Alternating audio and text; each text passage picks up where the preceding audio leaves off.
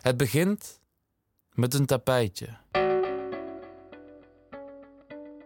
Je pint het net voor de bank, zodat je voet aan de stof wennen kan. Je kamt het eens per week, op woensdag na het nieuws. Het is een bezigheid waar je niet in falen kan. Je toont het tapijtje aan je moeder, verschuift het misschien een tijdje naar de keuken of onderaan de trap, waar je in de ochtend voorzichtig overheen stapt.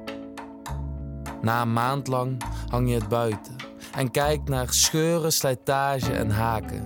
En je weet, nu is het tijd voor een hond. Later denk je nog wel eens terug aan jullie eerste dagen samen. Dat de hond in bed plaste en dat je onderaan de trap vredig op je tapijtje lag te slapen. Je hoort je moeder nog zeggen: falen is een bezigheid waar je niet in falen kan.